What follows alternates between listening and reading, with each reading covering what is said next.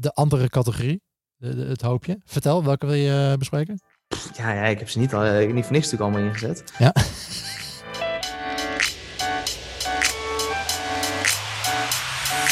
Vandaag praat ik met Tim Zuidgeest, medeoprichter en mede-eigenaar bij Unravel Neuromarketing Research, wat je wellicht nog kent onder de oude naam STNT Research. En dat doet hij al sinds 2013 vanuit Utrecht. Vandaag gaan we het niet hebben over wat we zakelijk allemaal voor toffe dingen doen, maar maken we het even heel persoonlijk. Tim is namelijk ook met zijn eigen privéleven flink aan het experimenteren geslagen. En jawel, de N in dit onderzoek is dus een keiharde 1. Maar ik weet zeker dat je hier wel wat leuke inspiratie uit gaat halen. En hoe je proefondervindelijk ook je eigen offline leven een stukje makkelijker kan maken. Ik ben Guido Jansen en welkom in het CRO Café, de podcast over data en mensgedreven optimalisatie en het neerzetten van een cultuur van experimenteren en valideren. Deze aflevering van het CRO Café wordt mede mogelijk gemaakt door Convert.com, Biominds, Effective Experiments en de nieuwe sponsor Online Dialogue. Welkom bij aflevering 17. Tim, nou welkom in het café. En eh, ja, voordat we in jouw experimenten duiken, eh, vertel even, wie ben je eigenlijk? Ja, de gepassioneerde psycholoog, uh, catcher, bemiddende Westlander, zoals uh, Tom, uh, de copywriter bij ons, me ook wel eens noemt. Um, ja, afgestudeerd psycholoog en um, ja, helemaal in het veld van het neuromarketing, of eigenlijk door middel van psychologie het beter maken van marketing en communicatie. Ja, en je hebt je eigen bedrijf? Klopt, ik heb dat acht jaar geleden opgezet samen met Tom. Inmiddels zijn we met zes man sterk hier op kantoor, dus dat, dat, dat groeit gestaag. Maar ja, inderdaad, helemaal vanuit de schoolbanken met direct uh, uh, begonnen ermee. Dus dat was wel uh, spannend, maar ook heel tof. Ja, en we hebben het hier in de podcast natuurlijk vaak over, ook over onderzoek doen, wat jullie doen. We hebben het over experimenten runnen.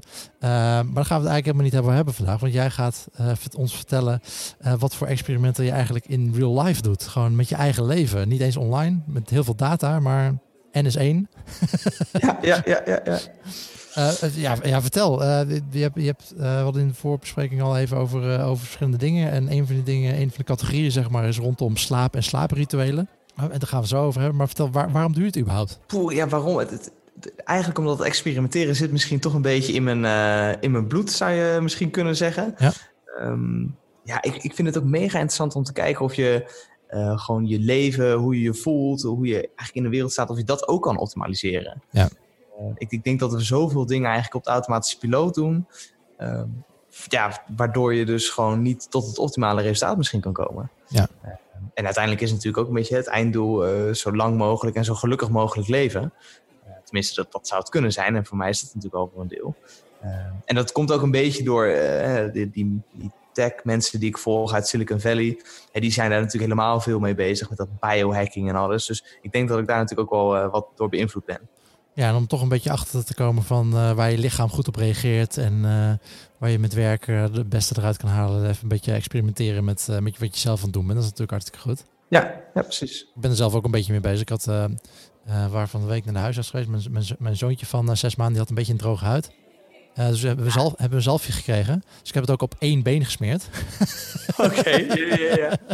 Kijken wat dat doet. Ga, ga ik je morgen vertellen. Uh, nice.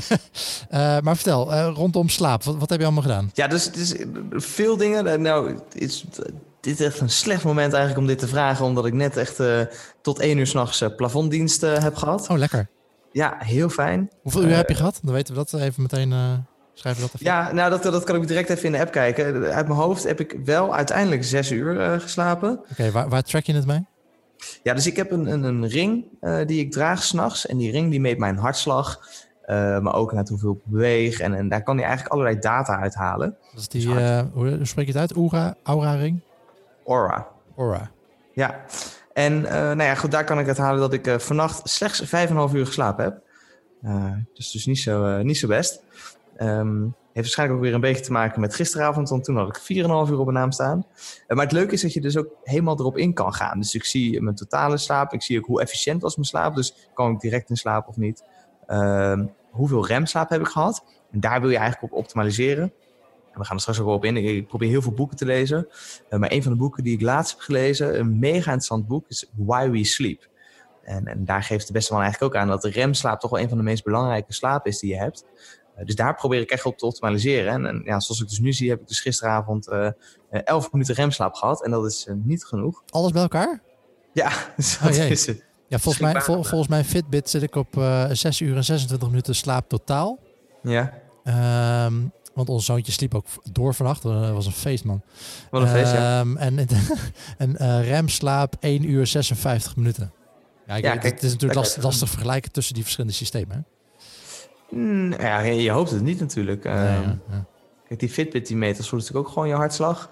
Dat doet die Oura Ring ook. Uh, Die zit iets strakker om je vinger. Je zou misschien kunnen zeggen, ja, die, die zit wat dichter op. Maar ik denk dat het alle twee toch wel uh, vergelijkbaar zou moeten zijn. Ja, maar ik bedoel meer die algoritmes die bepalen van... oké, zit ik in een remslaap of is het een lichte slaap of is het een uh, diepe ja. slaap? Wat is het bij, ja, bij, bij Fitbit heb je vier categorieën. Ja, ik ook. ik heb REM sleep, deep sleep en light sleep en wakker. En wakker, ja. okay, misschien hebben ze hetzelfde algoritme gebruikt. Ja, ik bedoel, dit, dit, is, dit, dit komt ook uit het boek voor. Hè? Dit is gewoon een beetje algemeen slapen, wetenschappen. Ja. ja. Maar oké, ehm, eh, maar hoe helpt het jou? Nou, kijk, ik ga er eens een beetje vanuit dat uh, hè, wat je meet, dat je dat ook gaat managen. Dus what gets measured gets managed. Ja. Um, oftewel, dus mijn, mijn, eerste idee was gewoon puur van, oké, laat ik dit eens in de, in, de, in de gaten houden. En dat zorgde mij ook echt wel voor dat ik meer besef dat ik dus eh, meer op tijd naar bed toe moet gaan. Ik wil in feite gewoon die acht uur in bed willen pakken, waardoor je dus effectief misschien 7,5 uur slaap hebt. Um, want ja, dat, komt ook wel terug uit het boek, ook wel hoe ik me natuurlijk overdag voel.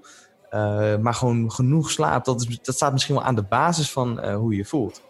Sterker nog, uit dat boek komt bijvoorbeeld naar voren dat wanneer je een uh, vaccinatie krijgt, bijvoorbeeld een griep, griepprik, dan is die 50% minder effectief als je niet goed hebt geslapen de nacht ervoor. Oh. En dat is natuurlijk bizar. Ja. Uh, weet je, je zou bijna op basis van dat onderzoek aan mensen moeten vragen die zo'n prik krijgen. Hey, heb jij nog een beetje geslapen gisteravond? Want anders slaan we hem even over. Kom anders slaan we over. Ja, heeft toch niet zoveel zin.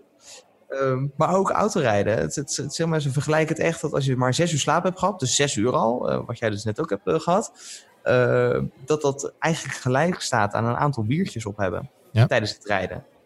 Ja, dus dat, dat is iets waar ik dus mee rekening wil houden. En dus ook ja, gewoon goed wil tracken. Want ik denk dat dat wel echt aan de basis kan staan van ook gewoon een goede gezondheid uh, hebben.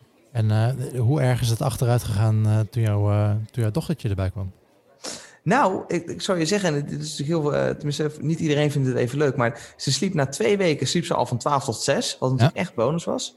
Toen na zes weken sliep ze van 9 tot 6. Dus dat was echt, nou, ik heb gewoon eigenlijk gewoon prima avond gehad. Ja.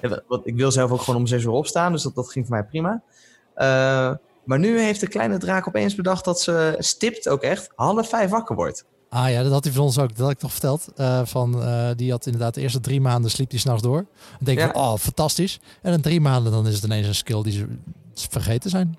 Ja, dat schijnt slaapregressie te heten. onderzoek naar gedaan. Uh, sprongetje, doen we het op. Maar nee, dus de, de, app geeft ook aan dat het niet zo heel goed gaat met mijn slaap. Maar dat, dat had ik zelf ook wel door. Ja.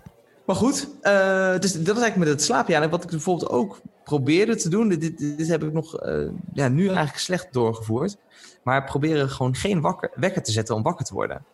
Een beetje vanuit het idee van, nou weet je, als je gewoon natuurlijk wakker wordt, dan begin je de dag ook heel anders. Ik heb sowieso geen, um, geen, geen wekker die zeg maar echt zo'n alarmgeluid eruit komt. Ik vind dat überhaupt heel raar dat mensen dat hebben, want dan, dan word je toch wakker meteen met een shock, zou ik zeggen. Ik weet, eh, eh, wat voor wekker heb jij voor dat ik helemaal losga? Maar... Nou, uh, ik gebruik verschillende dingen. Die Fitbit kan trillen, dat vind ik, okay. dat vind ik fijn. Um, of sowieso je telefoon kun je ergens neerleggen dat alleen jij hem voelt, zeg maar. Dat je niet je, je partner wakker maakt. En ik heb ook zo'n zo'n Philips Hue, nee geen Hue. wake-up ja, light. Wake-up light. Ja. staan, waarmee je inderdaad wat, wat inderdaad uit die diepe slaap komt. Dat als er dan. uiteindelijk komt er wel een geluidje, maar dat is zeg maar mijn, mijn laatste, laatste punt van oké, dan moet het echt.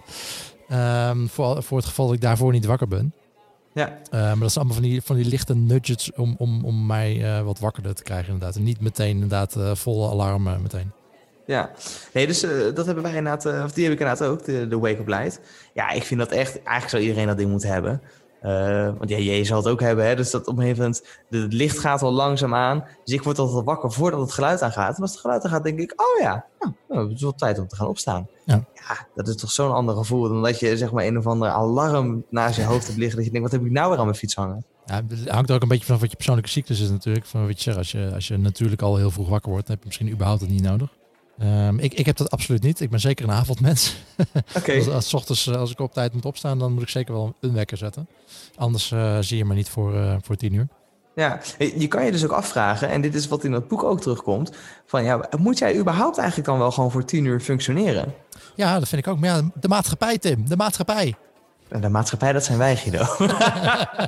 nee, maar even zonder gekheid. Het, het, het- en ik vind dat hij daar ook echt een heel goed case eh, van maakt in dat boek. Hij zegt in feite, dus eh, in Amerika is het helemaal heftig. En sommige van die koters die moeten daar echt om zeven uur al op school zijn. Ja. dat zijn natuurlijk echt tijdstippen die, die, die, die wens je niemand. Maar dat, dat hebben ze ingeregeld. Onder andere omdat die buschauffeurs zeg maar eh, lekker vroeg willen werken. Want die zijn wel vroeg wakker. En iedereen staat vroeg op. Maar dat hele cyclus van het kind, dat begint eigenlijk pas een beetje Ja. rond 9 uur eigenlijk. Eh, maar nee, het moet erin gepopt worden. En het interessante is dus dat bij kinderen die dus later naar school gaan, die halen hogere cijfers. Ja. ja, ik had laatst ook zo'n onderzoek gezien, eh, dat, maar dat was eh, voor studenten. Maar inderdaad hetzelfde verhaal van, ja, eigenlijk studenten moet je niet voor 10, 11 uur in een studentenbank willen hebben, want eh, er gebeurt gewoon niks. Ja, hey, ik, ik ben ook echt voorstander van, en dat proberen we hier in het bedrijf ook wel meer te doen, van dat je in principe gewoon kan werken naar je eigen ritme. Ja.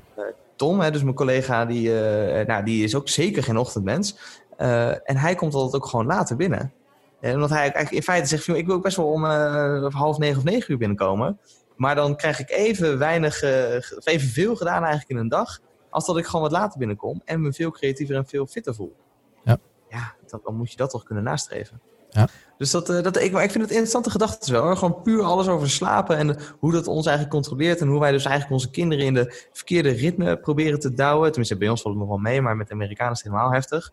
Ehm, om maar zeg maar dus dat, dat uniformiteit uiteindelijk te krijgen. Terwijl, ja, misschien moeten we gewoon iets meer doen waar we ons goed bij voelen. En, en een van die dingen zou dus ook kunnen zijn, dus dat je geen wekker zet om wakker te worden. Ja. Nou, en misschien als jij geen wekker zet, ja, dan word je wat later wakker.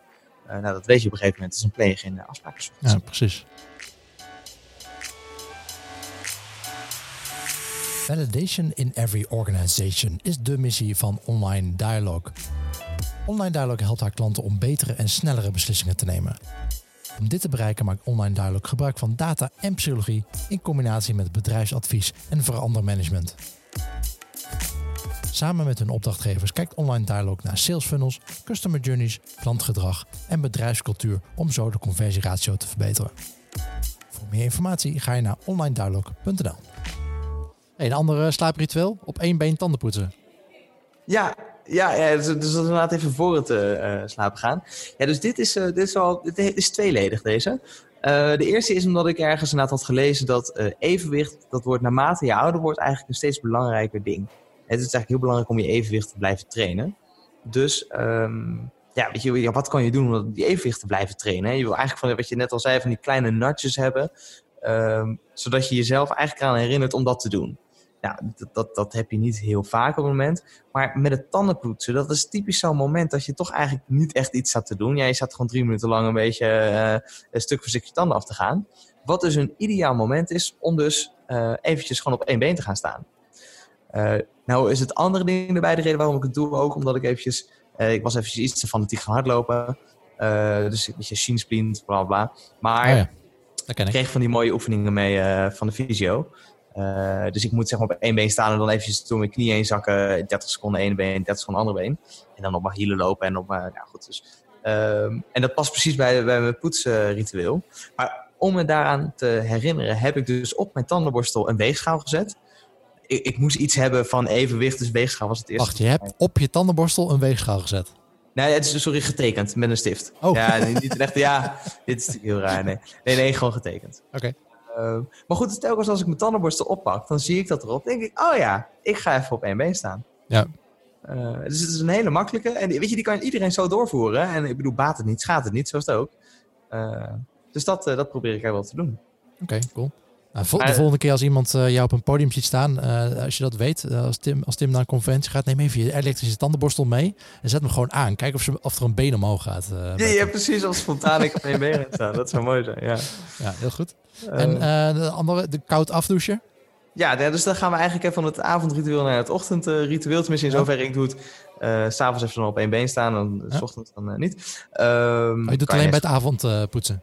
Ja, het is een beetje random. Ik dit, dit vraag me niet waarom. Dit is, dit is niet een heel gecontroleerd experiment, eh, Tim. Eh, Nee, nee ja, we, we hadden al wat kanttekeningen kunnen plaatsen natuurlijk. Ja. Eh, nee, maar dat is eigenlijk het, het ochtendritueel.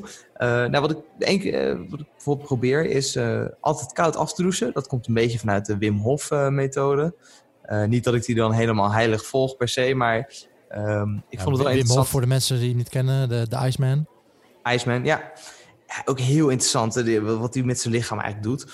Ehm, en een van de dingen die hij propageert is van hè, dat, dat koude douchen, dat, dat kan heel goed zijn voor je lichaam.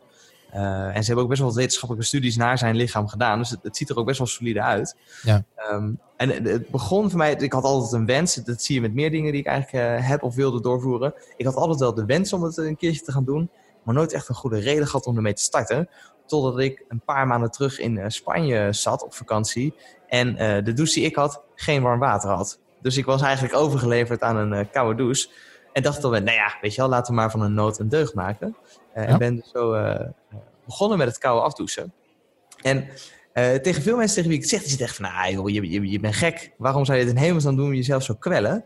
Terwijl voor mij is, heeft het echt een, een heel ander effect. Namelijk de eerste week dat je dat doet, is het gewoon koud. En denk je, wat, wat ben ik in hemelsnaam aan het doen? Maar, eh, en dat, dat merk je na de eerste keren ook al. Op een gegeven moment krijg je wel een soort idee van... ja, het is eigenlijk ook maar koud water op mijn lichaam. Dus je krijgt een soort ontkoppeling van je gevoel... eh, wat je echt letterlijk voelt en je gedachten daarover. En die ontkoppeling is zo'n ja, vet iets eigenlijk. Dat, dat, dat maak ik dus iedere ochtend mee. Maar dat kan je dus ook gewoon mee, eh, mee krijgen. Eigenlijk, of eh, toepassen als je bijvoorbeeld je teen, steen, eh, je teen stoot tegen bijvoorbeeld tegen een tafelpoot aan. Ik kan nu veel beter dat, dat gevoel van pijn weten los te koppelen. En dan denk ik, ja, zo. Mijn teen doet wel echt heel erg pijn, hè? Maar Wat vind je vriendin daarvan dat je zo emotieloos aan het worden bent?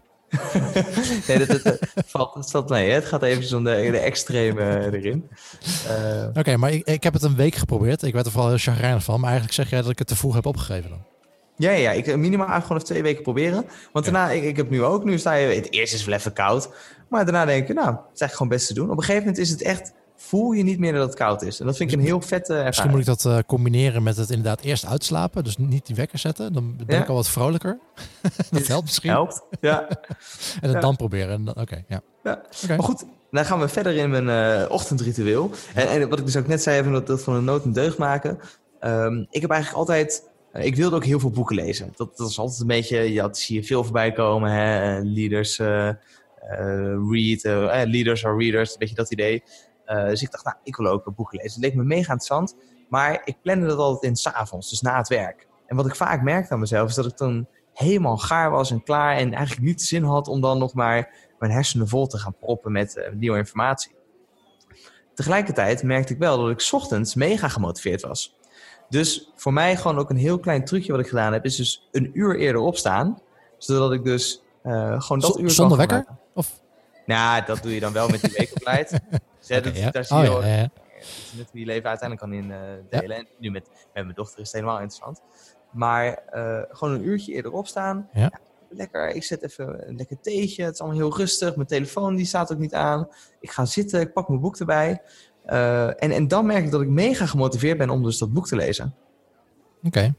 Dus dat, eh, ja, ik, ik kan het ook iedereen eh, aanraden. Het is gewoon weer, het is, voor mij was het gewoon, oké, wanneer ben ik nou het meest gemotiveerd om dit te doen? Nou, dat is blijkbaar 's ochtends. Laat ik kijken of ik het zo kan inbouwen.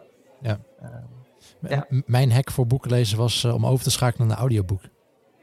Voor mij op dit moment ook. Dus ik zit bij Storytel. Ik weet niet of jij op dit moment gebruikt. Audible. Ja. Ja. Zat ik ook, ik, twijfel een beetje ertussen. Want ik, met Storytel vond ik het fijn dat je zoveel kon lezen als je wilde. Terwijl je met Audible eigenlijk aan één boek per maand vastzit. Toch? Ja, niet per se vastzit. Maar, Eh, ja, je, je, je kan een aantal credits per maand kopen. En je bepaalt zelf hoeveel credits inderdaad. Ja. ja, ja, ja. Maar ik vind het wel interessant ook hoor. Dus ik ga hem ook. eh, ik, ik wilde vooral Audible, want je houdt daar de boeken en dat vind ik wel fijn. Ehm, Ja, wat ik daar ook, wat ik er persoonlijk fijn aan vind, is dat je de snelheid kan instellen. Dus je, je kan jezelf wel trainen, zeg maar, om sneller. ja, eh, want sowieso als ik een boek afspeel op, op de normale snelheid, zeg maar. Ja. de- bij de meeste boeken, hoe dat voorgelezen wordt, dan, raken mijn gedachten eh, snel afgedwaald, zeg maar. Ja. Door het sneller te zetten, dan, moet- dan moet je echt blijven luisteren. Dat werkt voor mij, eh, dat werkt voor mij heel goed. Ja, nee joh, ik, ik ook. Ik, eh, sowieso, weet je, ik had nu laatst, ehm, Homo sapiens gelezen. Nou, dan zit je het boek erin. Dan staat er een 19 uur. denk ik, ga ik 19 uur luisteren? Hoe is de sfeer? Ja. Ehm, maar inderdaad, ik ben ook erg fan van die uh, speed-up functie. Uh, ik, lees, ik luister altijd op de, twee keer de snelheid. Ja. Waar zit jij op? Uh, 1,7, 1,8. Netjes, netjes. Ja. ik moet er ook net in zitten. Ja, jouw podcast luister ik ook, maar ook inderdaad op dubbel de snelheid. En ik moet zeggen dat het bij jou, want jij spreekt ook best wel snel. Ja. Je ziet twee keer de snelheid wel lastig. Ja. Dat ik wel. ja, maar het hangt heel erg van het audioboek en dus van de podcast af ook. Uh, van inderdaad hoe snel het wordt ingesproken. Ja. Uh, dat is wel een. Uh, sommige audioboeken die praten echt zo. Ja, man, man, man. Niet normaal. Ik denk van niemand wil dit op deze tempo, dit tempo luisteren. Ja, niet toch? Ja. Oké. Okay. Hey, volgende. Ik, ik noemde jou, of jij, jij noemde het zelf al, uh, van oké, okay, ga ik s ochtends een kopje thee zetten. Um, ja. Eten en drinken. Um, ik zag Bulletproof koffie op je lijstje staan. Is dat, is dat een merk of een type koffie? Ik drink zelf geen koffie. Ja, nou, hier valt al meteen wel een kanttekening bij te plaatsen hoor. Kijk, wat ik sowieso dus uh, s ochtends ook probeer is uh, niet te eten tot 12 uur. Zodat ja. ik uh, minimaal eigenlijk 13 uur niet eet, maar idealiter 16 uur niet eet. Ja. er zijn heel veel studies gedaan naar dat dat eigenlijk intermittent fasting, dat dat heel goed is. En dat het bij, bij muizen, er zijn meer studies, maar de, de, meest, de leukste studie vind ik dat bij muizen is hun leven gewoon wordt gerekt met 30% op het moment dat ze, dat ze vasten. Ja. Nou, dat, dat, dat wil ik ook wel erin uh, zien te krijgen. Uh, voor mij ook een soort extra benefit is, dat ik, benefit is dat ik geen tijd kwijt ben aan het ontbijt. Ja. Uh, nou, dat is ook fijn, weet je, dat scheelt ook weer in de efficiëntie. Um, maar ik heb daarin ook een tijdje de, de Bulletproof Coffee geprobeerd. Het komt een beetje vanuit zo'n zo'n populair boek, dat heet ja, The Bulletproof Diet. Uh, en, en, deze beste man die gelooft er heilig in dat je vooral hoog in de vetten moet zitten uh, en laag in je koolhydraten. Ja. Um, dat is niet iets wat je per se moet aanhouden. mijn vriendin is dokter, die heeft sowieso bij dit soort experimenten heel vaak dat ze denkt van joh Tim, dit is, dit is allemaal niet bewezen, wat ben je in hemelsnaam aan het doen? Ja, die, fasting vindt ze nog wel oké. Okay. heb, je, heb je weer een marketingboek gelezen Tim? Dit is wel inderdaad echt zo'n gevalletje van, oh jee, het is, het is weer zover. Ja. Um, maar die, uh, die Bulletproof Coffee, daar is dus ook letterlijk wat weinig bewijs voor. De beste man die doet heel erg aan cherrypicking. Uh, maar goed, op dat moment dacht ik, het is wel leuk om gewoon te proberen. en wist ik ook niet van dat, dat het bewijs zo dun was. en het idee is eigenlijk dat je dus koffie drinkt met een, even zien, dus je doet er um, coconutolie in en uh, MCT oil. Dus dat is wat een, een, een soort uh, vervaardigde olie nog. Okay. Um, of nee, sorry, dat is die coconutolie. Die MCT is een soort uh, refined coconutolie. Er zit de coconutolie en um, boter. Dus gewoon echt roomboter. en die gooi je dan in je blender. En dan krijg je oprecht gewoon wel een soort, een beetje een hele vette latte van. Okay. Ja, dat smaakt oprecht nog wel oké okay ook. En als je dus wat vasting deed, op die vetten kan je best wel gewoon wat uh, doorgaan qua energie. Dus dan had je ook iets minder uh, honger 's ochtends. Uh, ja, oké, okay, maar dat, ja, dat is niet echt vast dan als je, als je die vette koffie erin gooit, toch? Nee, dus dat, dat was ook een argument van Tom. Die zei, ja Tim, even geworden, maar dat, je komt echt flink over de threshold heen. Dus... Ja, je kan het wel vloeibaar maken, maar dat wil niet zeggen dat je... ja, ja, en, en die vent in dat boek zei dan weer... ja, maar hè, met vet is het weer een ander verhaal. Ah, ik heb het uiteindelijk ook gewoon uit het uh, systeem uh, gehaald. Ja, maar daar gaat het om met dit testen, toch? Sommige dingen werken voor je, sommige dingen werken niet voor je. Ja, ik, ik kreeg er ook weinig andere benefits van. Dus dat was inderdaad ook, uh, ook iets. Ja, ik vond zelf... dat, dat, dat, dat, ik vind het een hele makkelijke manier... om zeg maar een, een constraint te geven aan wat je eet en hoeveel je binnenkrijgt. Uh, voor mij werkt het wel goed. Uh, dus iets van acht uur, tussen 8 uur s avonds en dan uh, inderdaad lunchtijd daar niks tussen te eten. Ja. Uh, ja, ik vind het een hele makkelijke manier om dan daar wat uh, grip op te houden, zeg maar. Ja, ik er niet altijd over, over, na te denken van, oké, okay, wat eet ik wel, wat eet ik niet.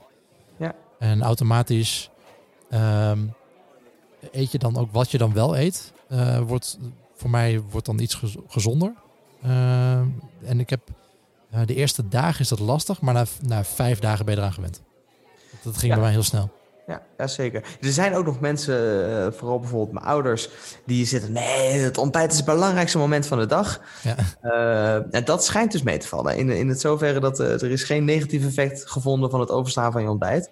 Dus dat, daar kunnen we... Ah, je, je, je, kan zelf natuurlijk mee schuiven wanneer je dat intermittent fasting doet, hè? Bedoel, ja, als ook jij, dat. Als, je, als ja. jij per se... Ik bedoel, ik vind ontbijt wel een van de, van de beste... Nou, wat je dan meestal eet, de beste momenten. Dus dat, dat is wel jammer. Uh, ik ben, ben groot fan van broodjes. Okay, uh, maar uh, Ehm, ja, als jij ontbijt wil en daarna 10 uur niet eet, dat kan natuurlijk ook, of 16 uur. Ja. Nee, klopt. Zeker. Dus het is net wat je wil, inderdaad. eh, ja. Heb jij interesse in geavanceerde optimalisatietips? Of ben je binnen je bedrijf een conversieoptimalisatieproces aan het opzetten of verbeteren? Convert.com is de organisatie achter Convert Experiences, de privacy-georiënteerde AB-testing tool die dit allemaal een stuk makkelijker maakt. Daarnaast hebben ze nu Convert Launch, een nieuwe service als aanvulling op je AB-testing software dat jou de ondersteuning geeft van een gecertificeerd conversiebureau. Denk aan extra training, opzetten van een interne hypothese en prioritering en hulp bij experimenteren. Voor meer informatie hierover ga je naar convert.com/launch. De andere categorie, het hoopje. Vertel, welke wil je eh, bespreken?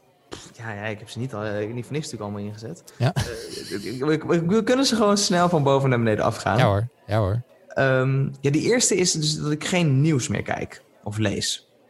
Eh, ik weet niet hoe jij eh, hierin zit. Kijk je nog acht uur journaal of lees je kranten? Nee. Of- Nee, geen kranten. Geen, ik, eh, ik heb Flipboard op mijn telefoon.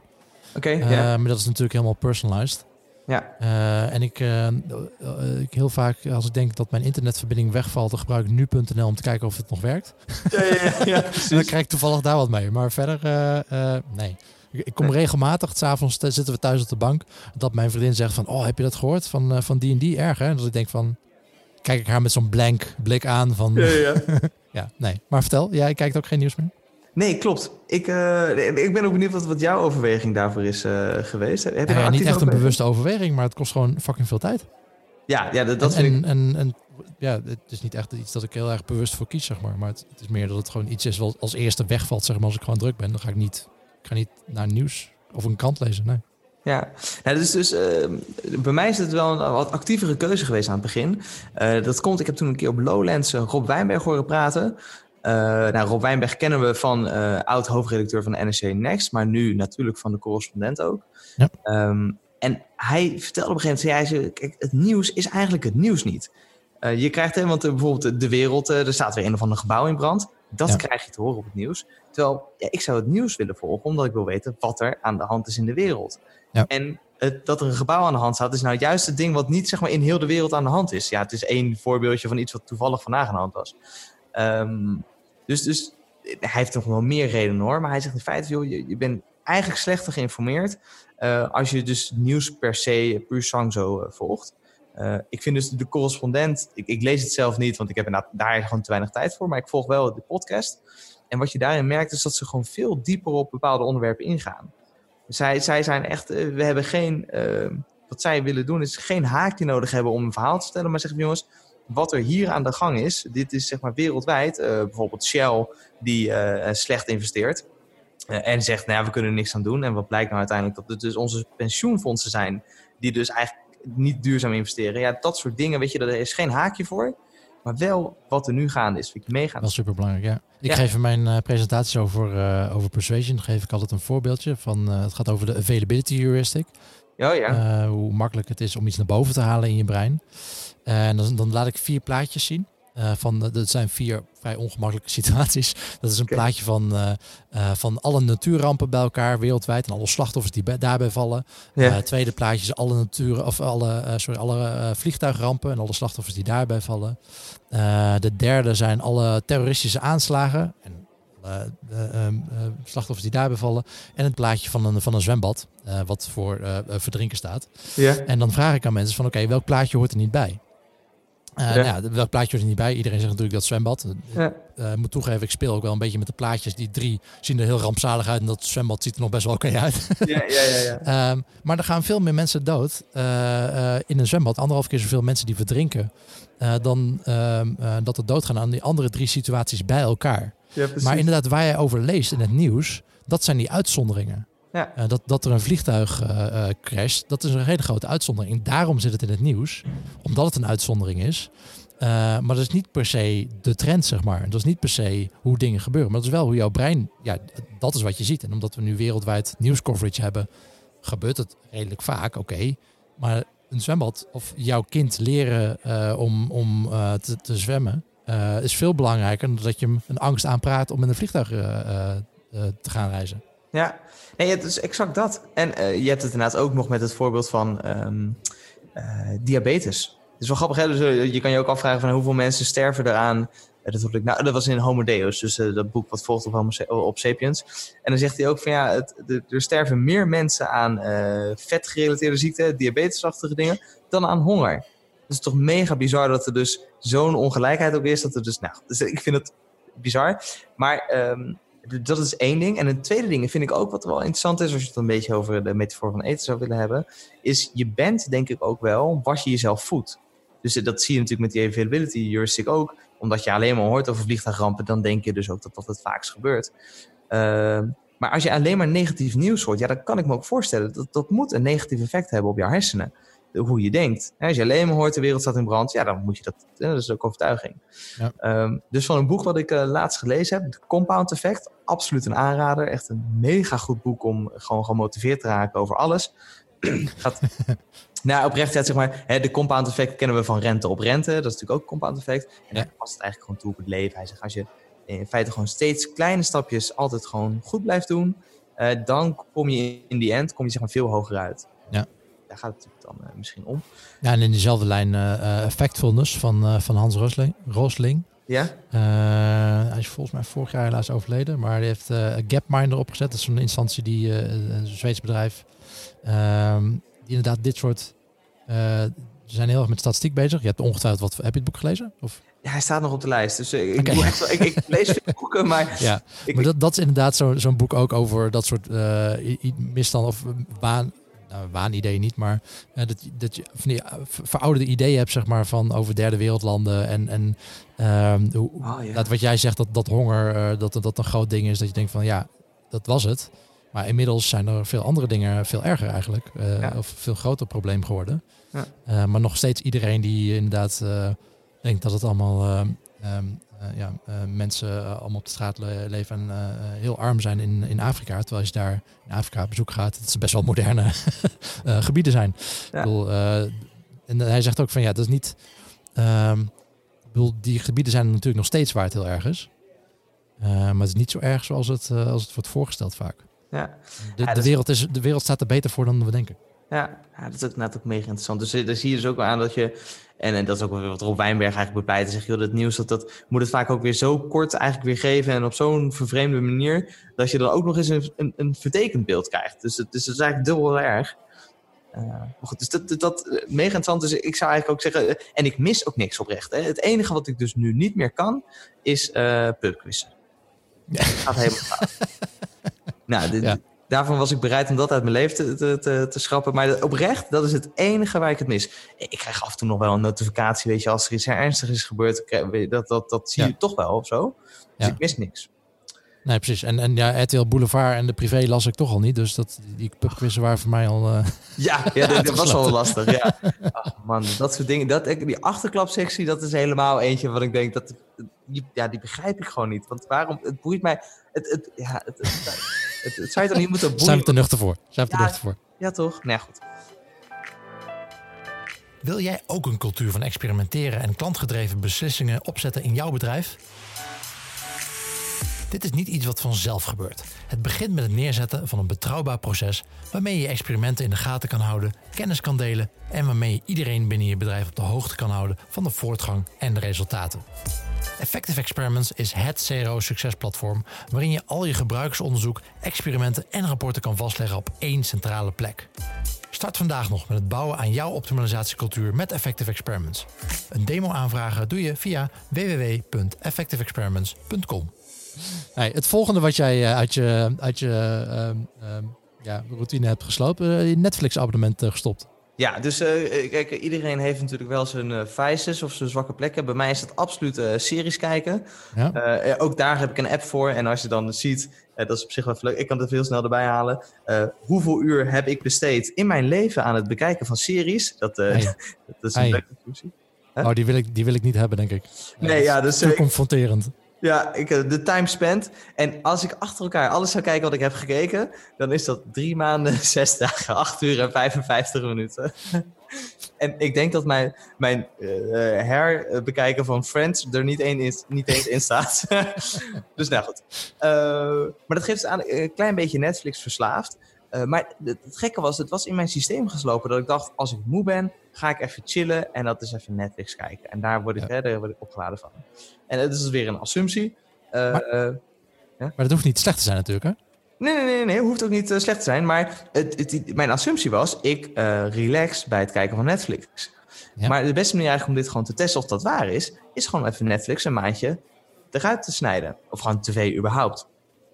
En er gebeurde dus ook weer iets mega interessants. Ik merkte dus hè, dat mijn default modus is op de bank zitten, Netflix aan en chillen. En op een gegeven moment zat ik naar de bank dacht ik, ja, ik ga geen Netflix kijken, want dat, is, daar heb ik even gekapt. En wat ga ik nu eens doen? En opeens, het is heel bizar, uh, tenminste misschien dat ik het zeg of dat ik het ervaar, who knows. Maar opeens denk je, god ja, nou laat ik misschien even lekker theetje zetten.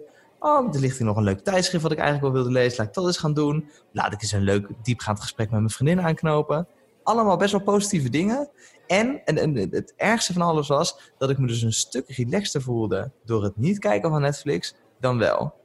Dus mijn hele assumptie is dus helemaal eigenlijk omver uh, gegooid. Uh, wat, wat voor mij dus ook betekent dat ik gewoon af en toe moet ik gewoon eventjes uh, weer beseffen dat ik dus een kleine verslaving heb. Hoewel ik dat natuurlijk ja. niet wil toegeven. Ja, dus je hebt niet, het is niet zo dat je Netflix abonnement de deur uit hebt gegooid en dat vervangen hebt door gewoon dvd's te kopen. Nee. Um, ja. of, of een uh, RTL XL abonnement af te sluiten. Maar gewoon echt alle series en films even on hold. Ja, ja klopt. Ja. Oké. Okay. Uh, dus eigenlijk had ik gewoon beter kunnen zeggen stoppen met tv kijken. Maar aangezien bij mij tv nee. en Netflix ja, bijna... Dat is synoniemen voor. ja, precies. ja. Maar goed. Oké, okay, heel goed. Ik, de en, maar de, en dat experiment is nog steeds gaande? Of, nou, nee, dus, dus in principe gewoon een afgerond experiment. Het is maar helder. Uh, ik, ik ben verslaafd aan Netflix. Uh, dus uh, af en toe moet ik daar gewoon weer een stop op zetten. Dus okay. het moet een soort 30 dagen vast zijn, weet je wel, wat je kan hebben. Ja. Zou ik ook gewoon met Netflix kunnen doen. Oké, okay, heel goed. Volgende punt. Ja, die, die heb ik er net ingezet. Die, die zou je denk ik ook net zien. Maar het proactief budgetteren met Bunk. Ik vind...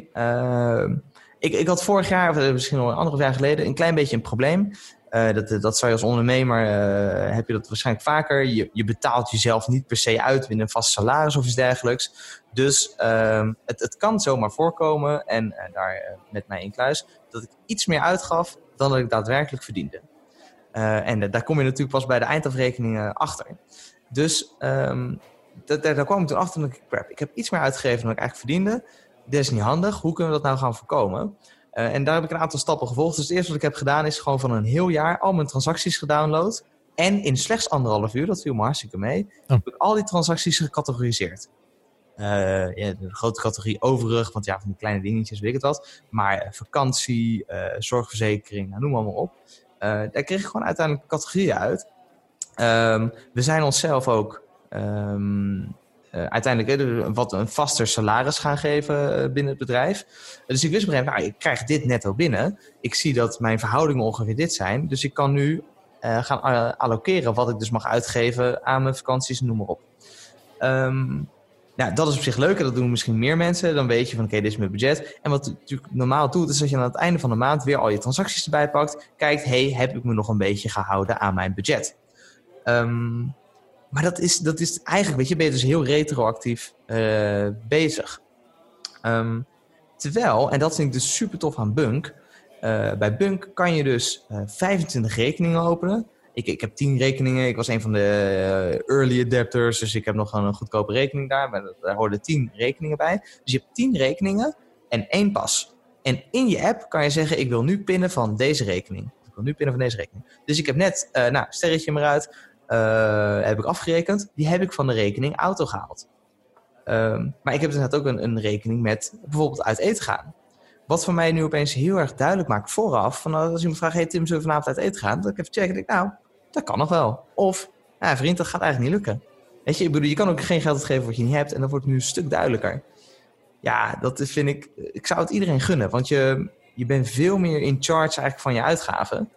Um, ja, dat werkt supergoed. En een, een bijkomend voordeel daarbij is ook, uh, want dat had mijn vriendin, uh, of uh, nou, Sorry, Loes. Maar um, aan, aan, het begin van, de, van het einde van de maand werd de salaris gestort. En ja, mensen het misschien herkennen. Dan denk je even, nou, ik ben weer uh, ik ben, superrijk. Ik kan dingen gaan doen. Ik ga shoppen.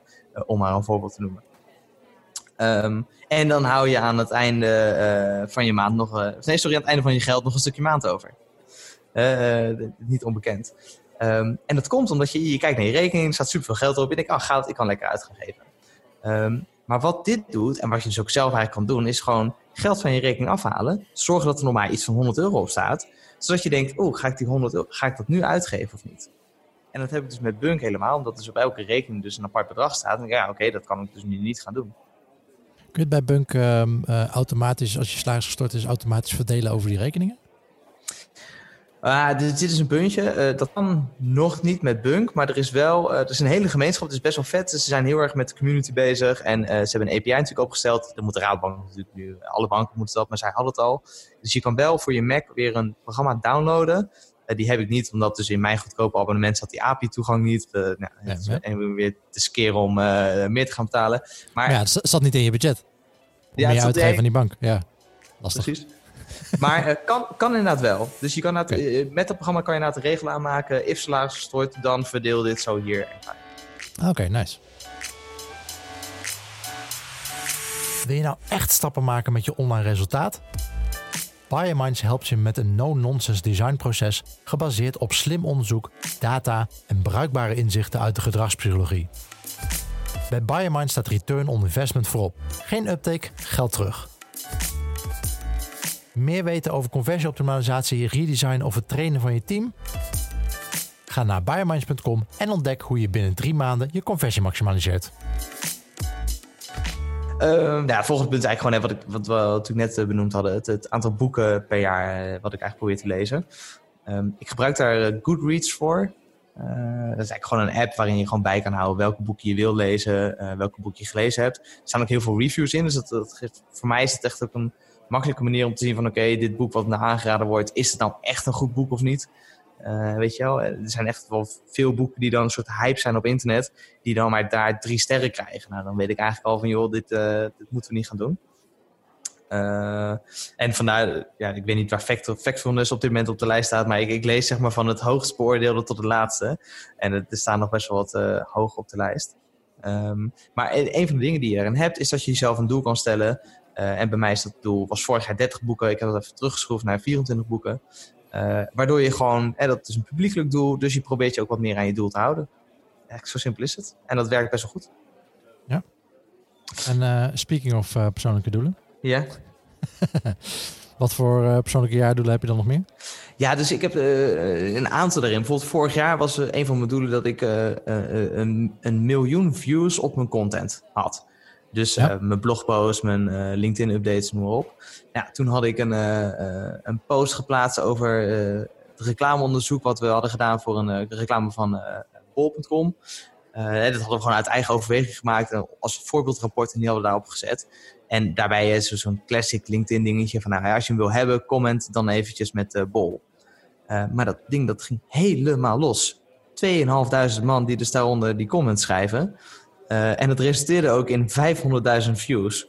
Ja, dus dan, dan ga je wel hard uh, uh, richting dat miljoen. Dus jij was een weekje bezig om die content te verdelen? Niet normaal. Ik heb daar gelukkig wel wat automatisering voor ingezet, maar alsnog zitten wat handmatige acties tussen. Vooral die mensen die vervolgens dan, en je moet ze dan uitnodigen, want dan nodig je ze uit op LinkedIn en in dat uitnodiging zet je het linkje erbij.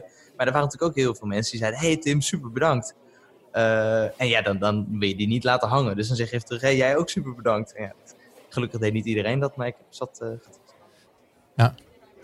Um, even zien. Dus, dus mijn jaardoelen voor dit jaar... Um, ik, ik heb ze niet heel scherp. Precies begin dit jaar was dus mijn dochter geboren. Dus dat jaardoelen stellen was eventjes uh, naar achter geschoven. Maar um, een van mijn doelen is om, om het bedrijf weer de omzet te laten verdubbelen. Uh, dat was vorig jaar ook het doel. Die hebben we gehaald en willen we dit jaar ook gewoon weer halen. Um, ik wil dus nu inderdaad, eh, oh ja, nu weet ik weer, die 24 boeken gaan lezen, waarvan ik vier boeken, waarvan die ik echt heel goed vond, weer opnieuw wil lezen. Uh, ja. Dus dat is een van de dingen. Ik wil weer uh, drie Udemy-cursussen afronden. Um, gewoon eigenlijk om de kennis up-to-date te houden. ik volg ook een hypnose-cursus daarin, super interessant. Uh, die Neuroscience for Kids cursussen, die je dus ook aangeraden werd, was niet per se een aanrader daarin. Oké. Die kan je dus uh, overstaan. Kan ik skippen, ja. Ja, um, en wat hebben we nog meer? Ja, dus mijn, mijn, doel is eigenlijk ook dat ik dus... Mijn, mijn grote doel voor het spreken um, is dat ik uiteindelijk voor 5000 man uh, spreek. Uh, nou is dat misschien wat, wat... Is dat dan ook een uh, jaar totaal of is dat gewoon één sessie voor 5000 man? Ja, uiteindelijk één sessie voor 5000 man. Maar dat is niet per se dit jaar. Dat is zeg maar mijn, mijn B-hack, mijn Big Harry Audacious ja. Goal. Ja. ja, we gaan zien of we die gaan halen of niet. Uh, nou ja, je moet überhaupt zoveel conferenties zijn er niet met 5000 man of meer. Dus dat is al... Ja, dus dat is misschien interessant. Ja, ja, dus ik weet ook niet helemaal of dit nou een realistisch doel was of niet. Maar het zorgt er wel voor dat ik uh, meer op het podium wil staan, beter wil worden, daar ook cursussen in wil volgen. Dus het, het helpt me. Ja, heel goed. Cool. Um, maar de, de, de, visie op neuromarketing, want ik vond het wel leuk. Ja, je hebt laten we daarmee een leuke afsluiter. Ja, hè, want je hebt natuurlijk al een aantal gasten gehad. Uh, Roderick en uh, ook natuurlijk van uh, um, Bayerminds. Joris toch was het, even uit mijn hoofd. Joris, ja. Ja, Um, en, en het leuke was, ja, ja begrijpelijk, Roderick zegt uh, natuurlijk van nou, neuromarketing is natuurlijk de shit. Uh, niet te parafraseren even. Uh, en Joris die geen neuromarketing aanbiedt, dus neurousability testing in dit geval, die, die, ja, die zegt, nou ja, goed, hoe enthousiast moet u hierover zijn? Ja, vertel, vertel, waar, waar zit jij op het spectrum? Ja, nou, ik, ik zit er dus eigenlijk gewoon goed middenin. Uh, ik vind dat het voor elk eigenlijk gewoon een plek en een tijd is. Ik ben het namelijk aan de ene kant heel erg eens met wat Joris zei. Hè. Heel vaak zijn er gewoon dingen die, uh, daar hoef je geen euro voor te gebruiken om te zien dat het fout gaat. Uh, je ziet dus eigenlijk, het ligt heel erg eigenlijk aan de maturity van je bedrijf of van je website en van je webshop. Een, een ja. bakker om de hoek, ja, die heeft geen neuro-usability nodig. Die moet gewoon eerst eens maar met zijn klanten gaan praten misschien eens om gewoon erachter te komen wat ze wel of niet nodig hebben. Terwijl als je dus wat, wat verder komt en uh, je, je, je, webshop gewoon geavanceerder wordt, dan zie je dat dat op een gegeven moment meerwaarde gaat hebben.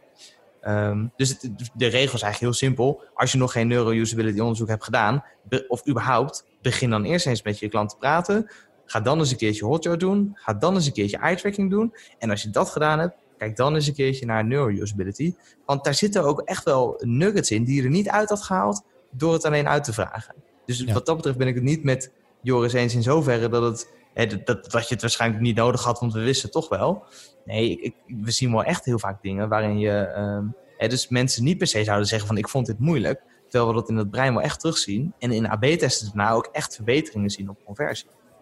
Ja. En ja, gebruiken met optimalisatie ook altijd een, een soort piramide van, van prioriteiten, zeg maar. Ja. Kijk, als, je, als, jou, als jouw website op uh, functioneel niveau uh, of technisch niveau al hapert, uh, ja, dan, dan, hoef je niet over usability na te denken. En als, als technisch en functioneel en usability goed is, ja, dan kun je misschien over persuasion gaan nadenken. Ja. Uh, maar ik, ik, had van de week uh, voor een of andere een of andere, ik zal de naam niet noemen, maar een leuk uh, biermerk in Nederland. Ja. Een review gedaan uh, van een van hun submerken en, en apps. Um, en nou ja, ik heb een, ik heb een 20 pagina's talent review geschreven van wat er allemaal beter kan op die website. Ja. Dus dat niet één persuasion, of nou één persuasion ding zat erin, maar verder allemaal usability en heel veel technische fixes, gewoon dingen die gewoon verkeerd staan op de website. Ja, ja begin daar lekker mee. als mensen al überhaupt al vastlopen in jouw proces. Dan hoef je ook niet te van, gaan heel erg gaan overtuigen dat ze het proces moeten gaan voltrekken.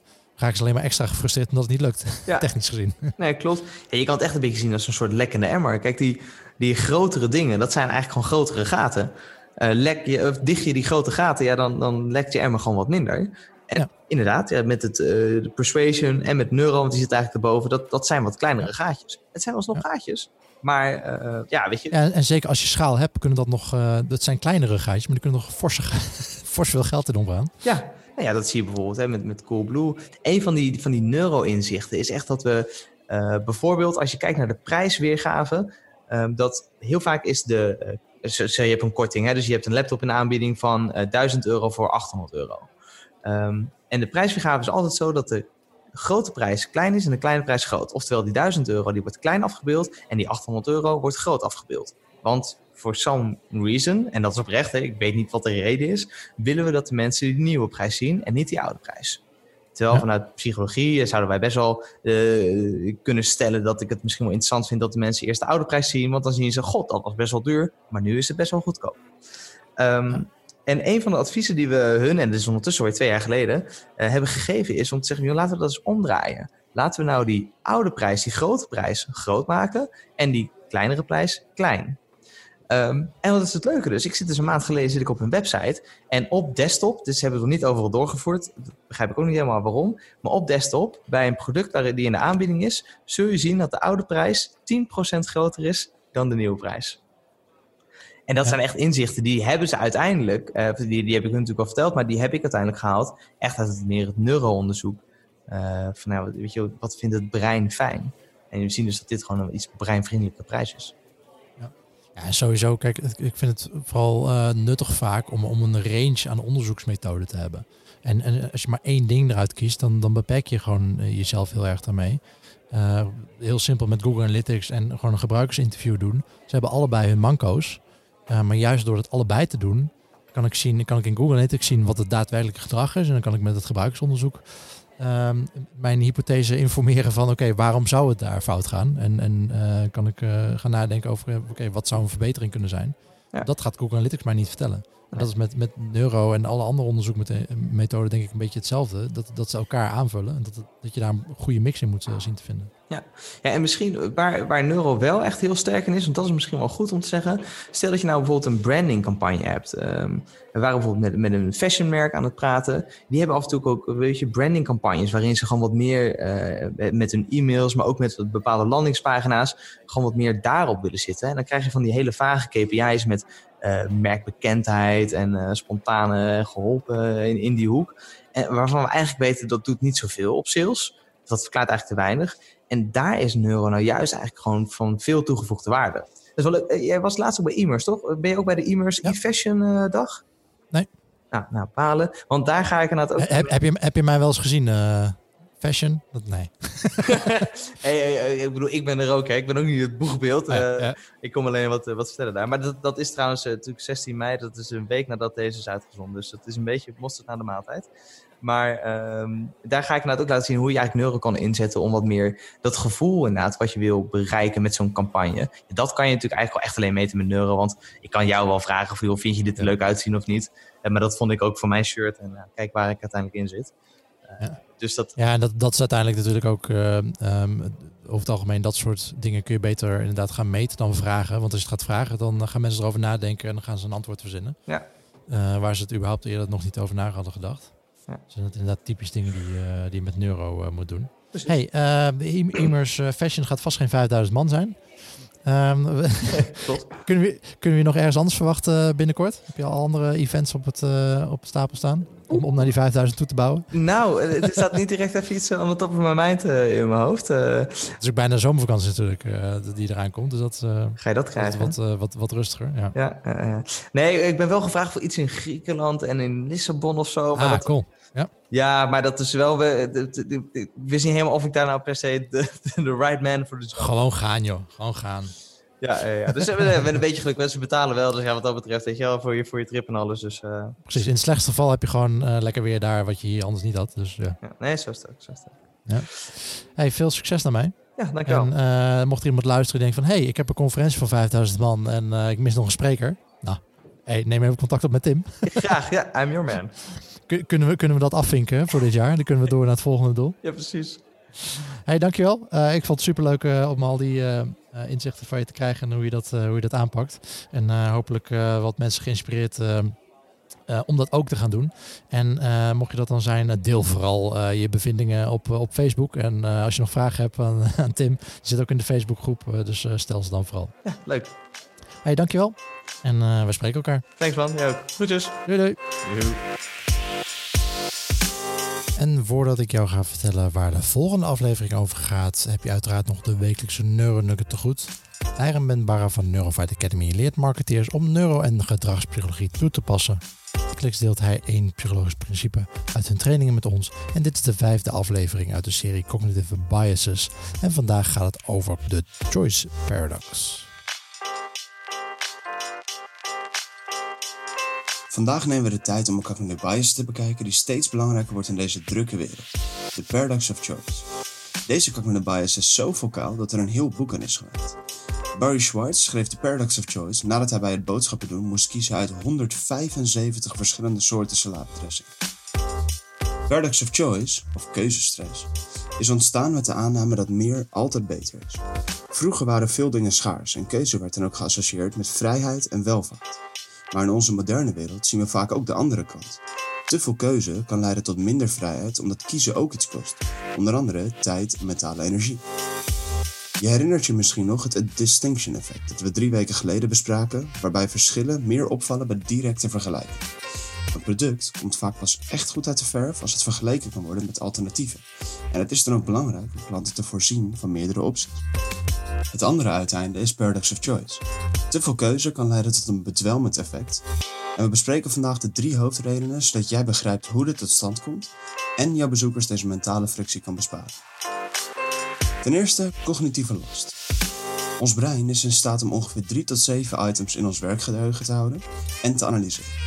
Als het meer wordt, ontstaat er cognitieve last waar het brein van in de war raakt en schakelt het over op de energiebesparingsmodus. En door gebruik te maken van vuistregels verbruiken we minder energie, maar worden we sterk vatbaar voor cognitive biases zoals paradox of choice. Dit is in vorige neuronuggets naar voren gekomen als systeem 1. Deze irrationele manier van denken en beslissingen maken zorgt er in dit geval voor dat klanten vaak afzien van een aankoop. Ten tweede, overweldiging. Bij belangrijke beslissingen is een te groot aantal mogelijkheden op zich al genoeg om een gevoel van overweldiging op te wekken. Een belangrijk onderdeel hiervan is dat wij dingen tegen elkaar afwegen in meerdere dimensies en dus nooit een optimale oplossing kunnen vinden.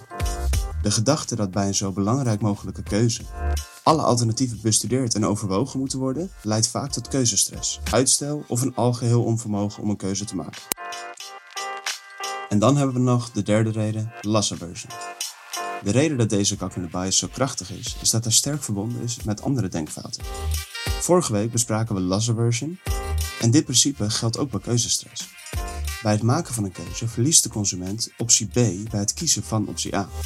Het mogelijke verlies van een van de opties heeft dan ook invloed op de uiteindelijke keuze. En als een supermarkt bijvoorbeeld 26 variaties van een product aanbiedt, kan het gevoel van verlies van opties B tot Z bij het kiezen van optie A ertoe leiden dat de consument geheel afziet van de aankoop. En de kunst is om paradox of choice te voorkomen zonder dat je de productkeuze van jouw prospects weghaalt. En hier zijn drie strategieën om hier goed mee om te gaan. Om cognitieve last te verkleinen kun je product filtering toepassen. De producten te categoriseren kunnen klanten makkelijker navigeren door jouw shop. En een stap verder is een gepersonaliseerd aanbod per klant te leveren om het keuzeproces te bevorderen. Ook kun je door uitgebreid te informeren, aan te bevelen en te ondersteunen met een goede klantenservice, klanten bij lastige keuzes door het koopproces heen leiden. Keuzestress wordt op deze manier ondervangen door de user.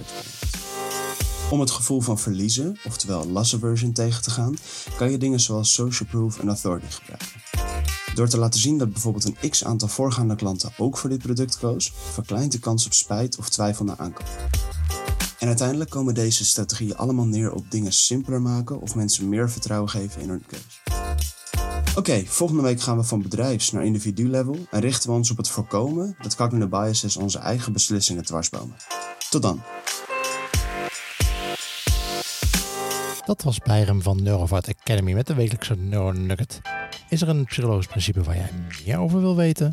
Laat het ons dan weten op cro.café slash Facebook en gooi het daar in de groep.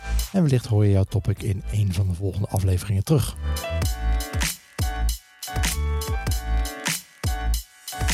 Dit was het CRO Café aflevering 17 met Tim en Zuidgeest van Unravel Research.